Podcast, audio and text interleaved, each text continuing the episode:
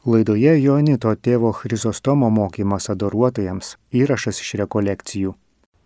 Tyla yra kaip lobis, kai žmogus įeina į tą tylą, jisai pats tampa lobiu. Jeigu čia dabar kalbėjome apie Izaoko žmonos Rebekos tą tokį susitikimą su tarnu, Siracido knyga sako labai įdomius žodžius. Čia daugiau žmonoms. Na, nu, irgi šeimos gyvenimas tyli žmona viešpatės dovana. Brangesnio nėra nieko kaip jos savitvarda. Čia būtų galima sakyti taip pat ir, ir apie vyrą, ne, ne, ne vien tik tai žmona. Galbūt moteris, kadangi labiau linkusi tą komunikaciją, galbūt ją lengviau išreikšti, ką viduje turi, negu kad vyrams paprastai. Bet čia tyla pristatoma kaip lobis. Ir kas turi gerą skonį, turėtų atpažinti, kad Tai yra dovana, Dievo dovana, kad nieko brangesnė nėra kaip tyla, kuri veda į savitvardą. Tai reiškia e, liežuvių suvaldymą. Paskaitykite Jokūbo laišką apie liežuvių suvaldymą. Sako, kas suvaldo liežuvį, tai reiškia, kas sugeba nutilti, tas yra tobulas žmogus. Tiek vyrai, tiek moteris turi ką veikti, kad įeitų į tylą. Mes matysim, yra ta tokia išorinė tyla, liežuvio tyla, bet taip pat yra ir ne tik išorinė, išorinis triukšmas, kuris mums tai tylai trukdo, bet taip pat, pavyzdžiui, ir minčių tyla, vaizduotės tyla, visokiausių įsivaizdavimų tyla. Taigi Dievo akivaizdoje tas mokytis iš Dievo galime tik tais tyloje. Jeigu niekada nenutylu, ne, nėra tylos mano gyvenime, klausimas, ar tikrai aš tobulėju tame dvasinėme gyvenime, dvasinėme kelyje. Galiausiai e, peršoku per visą šitą Senąjį testamentą į Naują testamentą, į Luko Evangeliją, 8 skyrius 24. Ten yra pasakojimas apie audrą, kaip mokiniai patenka į audrą. Mūsų gyvenimo tokį simbolį. Esam pastovi tame laivelėje, kuris blaškomas visokiausių polimų, visokiausių gundimų, visokiausių priešiškumu. Vieną dieną Jėzus su mokiniais įlipo į valtį ir pasakė, kirkime anapus ežero. Jie atsistumė nuo kranto. Mokiniams ir kluojant Jėzus užmygo. Tyla. Atina tie adoracija, Jėzus miega. E, Jėzau, ar tu mane girdi? Ežere pakilo vėtra. Bangos ėmė semti valtį ir visi atsidūrė pavojuje. Tuomet pripuolė mokiniai ėmė žadinti Jėzų. Šaukdami, Mokytojau, mokytojau, žūvame. Atsikėlęs jis sudraudė vėtrą ir bangas. Jos nurimo ir stojo tyla. O Jėzus paklausė juos, kurgi jūsų tikėjimas? Mokiniai išsigandė ir nustebę kalbėjo vienas kitam, kas jis toks, kad įsakinėja vėjams ir vandeniu ir tie jo klauso.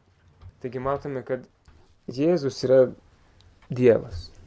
Senajame testamente tas, kuris valdė, kuris sukūrė pasaulį, kuris valdė visas stichijas, tai buvo Dievas. Joks žmogus, nebent koks Dievo vardu veikiantis pranašas, kaip Elijas, ten uždarydavo dangų, nelydavo, paskui pasimelsdavo, vėl lydavo arba kokia ugnis nužengdavo iš dangaus. Bet šitas paklusnumas, gamtos, stichijų paklusnumas Jėzui rodo, kad čia kažkas nepaprasta. Jėzus čia apsireiškia kaip ramybės, kaip tylos viešpats. Tai kalbant apie tylą šventajame rašte, viskas sueina Jėzų. Kur ieškoti tylos? Jėzuje. Kas moko mane daugiausiai tylos? Kaip tylėti? Jėzus. Kas man padeda tas visas kliūtis, kurias turiu savo širdėje, savo gyvenime veikti, tą visą triukšmą nuraminti, mano bangas, vidinės, išorinės, išorinius puolimus, vidinius blaškimus. Jėzus. Ateinu į adoraciją, Jėzus galbūt miega, bet kai jį kartais pažadinu, viešpats sako, klausyk, aš tave girdžiu, aš visą laiką tave girdžiu, tau atrodo, kad aš miegu, kad negirdžiu, bet žiūrėk, vakar buvo sunki situacija, viskas baigėsi gerai. Negi nepadarai išvados, kad aš tavimi rūpinuosi. Kodėl šiandien, kai esi panašioje situacijoje, vėl šauki, vėl puoliai ir sakai, žūvame nors aš mėgų šalia. Ir e, būtent tyloje apmastydamas tuos įvykius, sakau, bet turėčiau prisiminti Dievo gerus darbus, saugodamas tyloje sakyti, palauk, bet vakar Dievas mane ištraukė iš liūto nasrų, šiandien taip pat, nors atrodo yra sunki situacija, tikiuosi, viliuosi, kad Dievas irgi mane išgelbės. Tai pažiūrėjęs į kelias vietas šventajame rašte, kur kalbama apie tylą ir kas, kaip ta tyla man padeda iš tikrųjų įsiklausyti Dievą, jo kalbėjimą, norėčiau truputėlį grįžti prie švenčiausių sakramentų tylos. Kardinolas, kurį čia ką tik citavau, Robertas Sara, sako, niekas nėra toks nusižeminęs, toks švelnus ir tylus kaip Kristus esantis ostijoje. Niekas nėra toks nusižeminęs, nuolankumas, toks švelnus ir tylus kaip Kristus esantis ostijoje.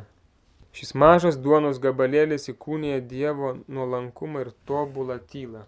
Ir tai yra tikriausiai ne, ne vienas šventasis yra kalbėjęs, kad tikrai didžiausias Dievo stebuklas. Pasirinko duonos gabalėlį, kad išreikštų savo tą tylą, savo nuolankumą, savo mažumą.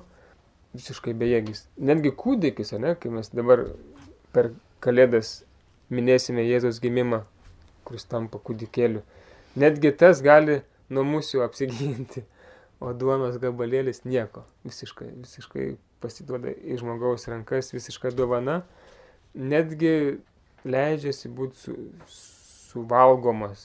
Kūdikėlių paprastai niekas nevalgo, bet duona. Ir visą tai kažką kalba apie Dievą. Tylus, nusižeminęs, švelnus.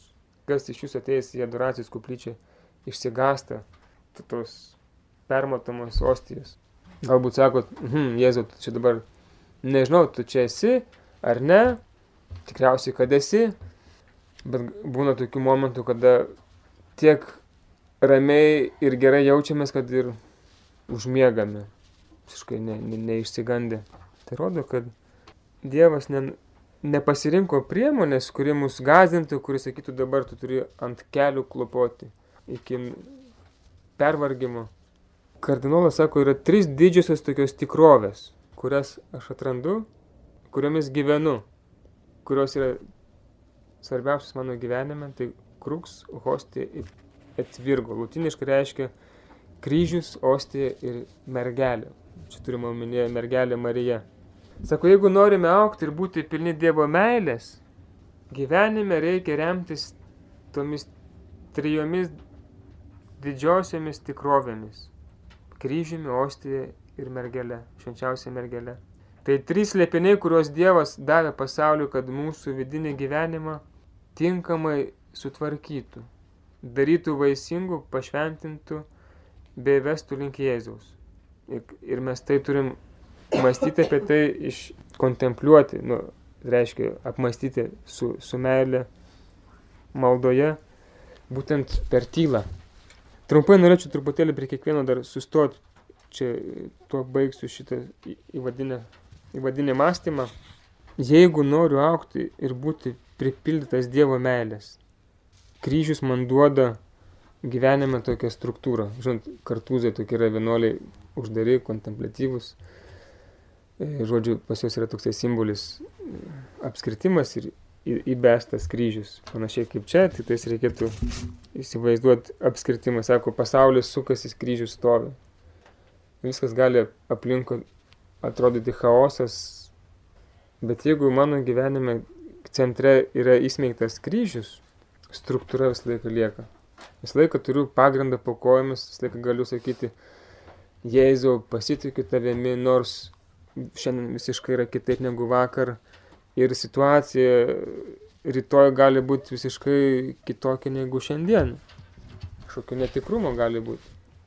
Kryžius, tas Dievo ištikimybės iki galo ženklas, jo meilės iki galo ženklas, kokia be būtų situacija gyvenime, duoda man tą struktūrą, gyvenimo tvarką. Svarbiausi dalykai susireikiuoja savo vietas.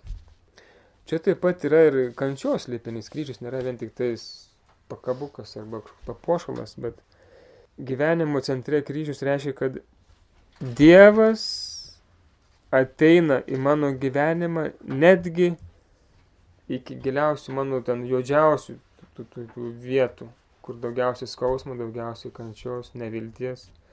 Kad nuo šiol mano gyvenime nėra ne vienos vietos, kuri būtų neįdomi Jėzui, kuris negalėtų savo šviesa, savo ta, tuo švelnumu, tylumu, nuolankumu prisiliesti, pakelti, paguosti ir gydyti.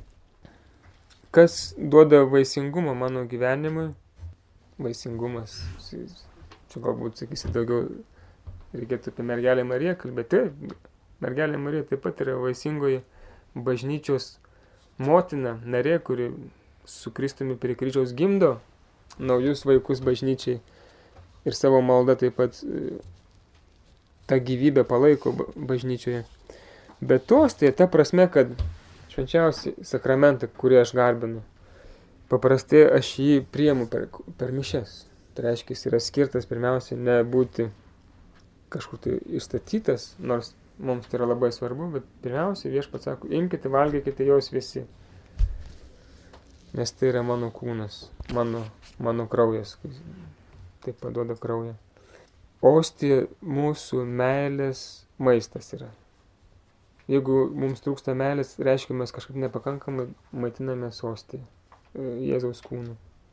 Ir Kristus atiduodamas savo, su visko, kas jis yra, su dievystė, su siela, savo kūnu, savo visą žmogišką širdimi ir tų pačių visą dievišką meilę per, per šitą švenčiausią, didžiausią sakramentą, jis taip pat maitina mano širdį, mano dvasinį tą vaisingumą e, paskatina.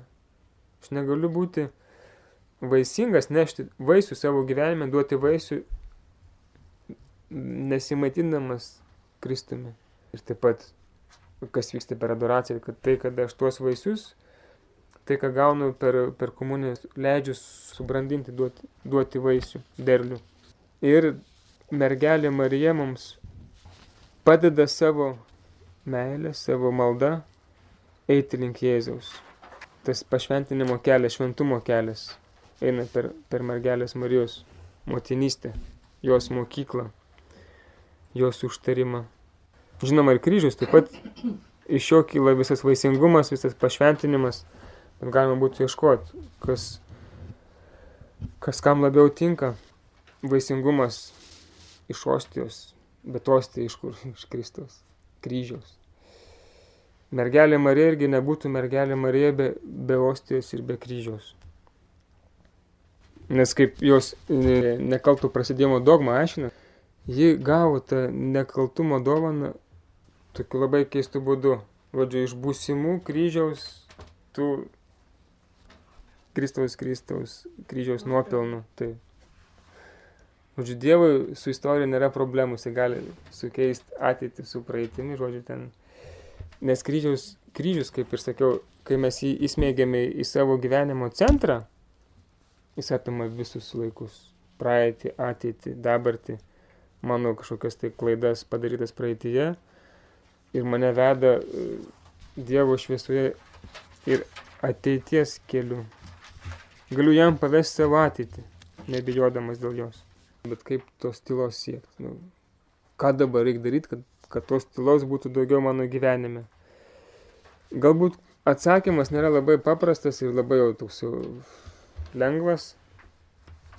Nusižeminimas yra tylos sąlyga ir pasiekmi. Kitaip tariant, e, kad įeičiau į tylą, man reikia nusižeminti. Kas vyksta per adoraciją, būtent aš atinu ir nesakau Jėzui.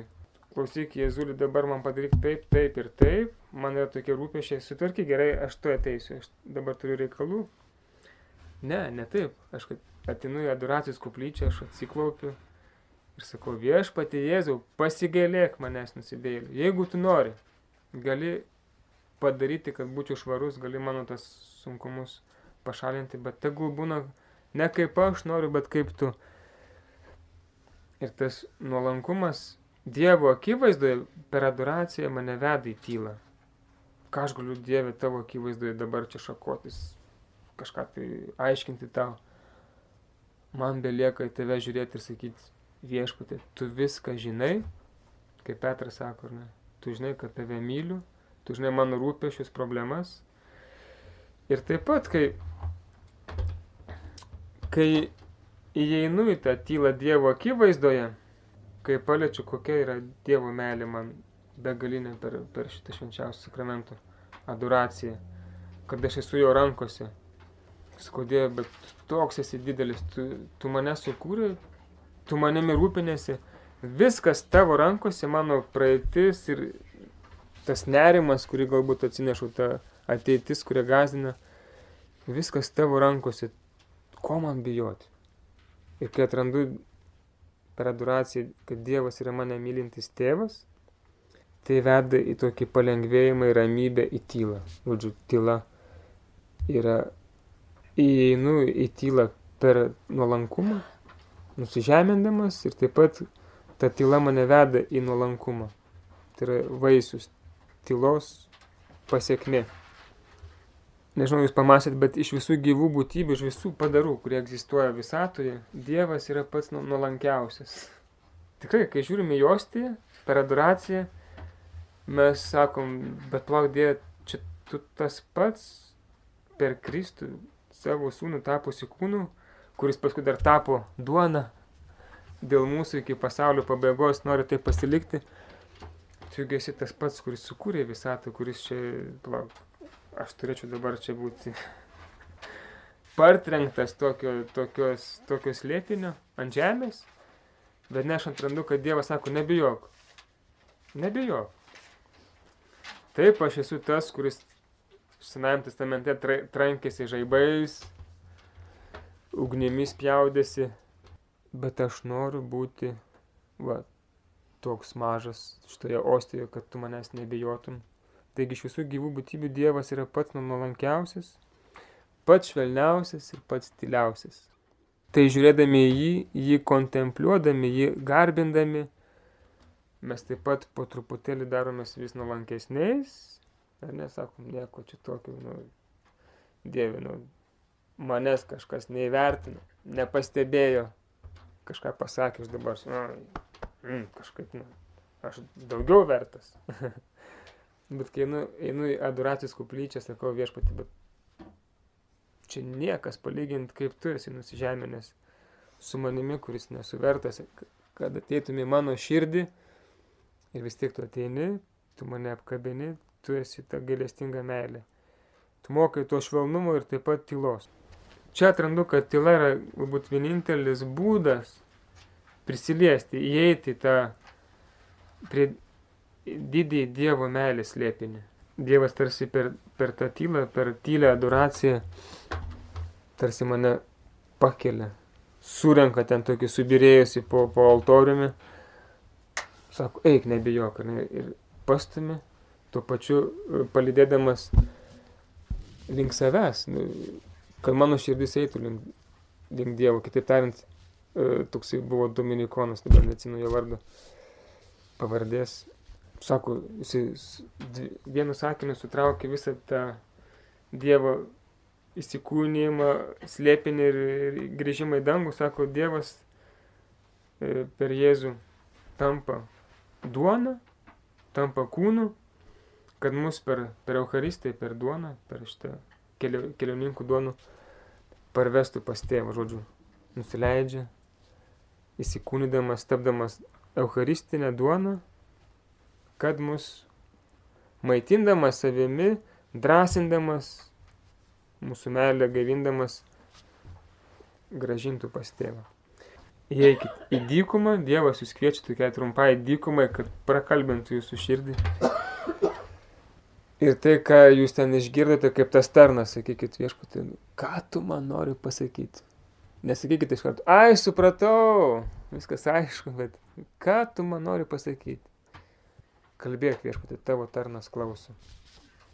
Girdėjote Joanito tėvo Chrizostomo mokymą daruotojams.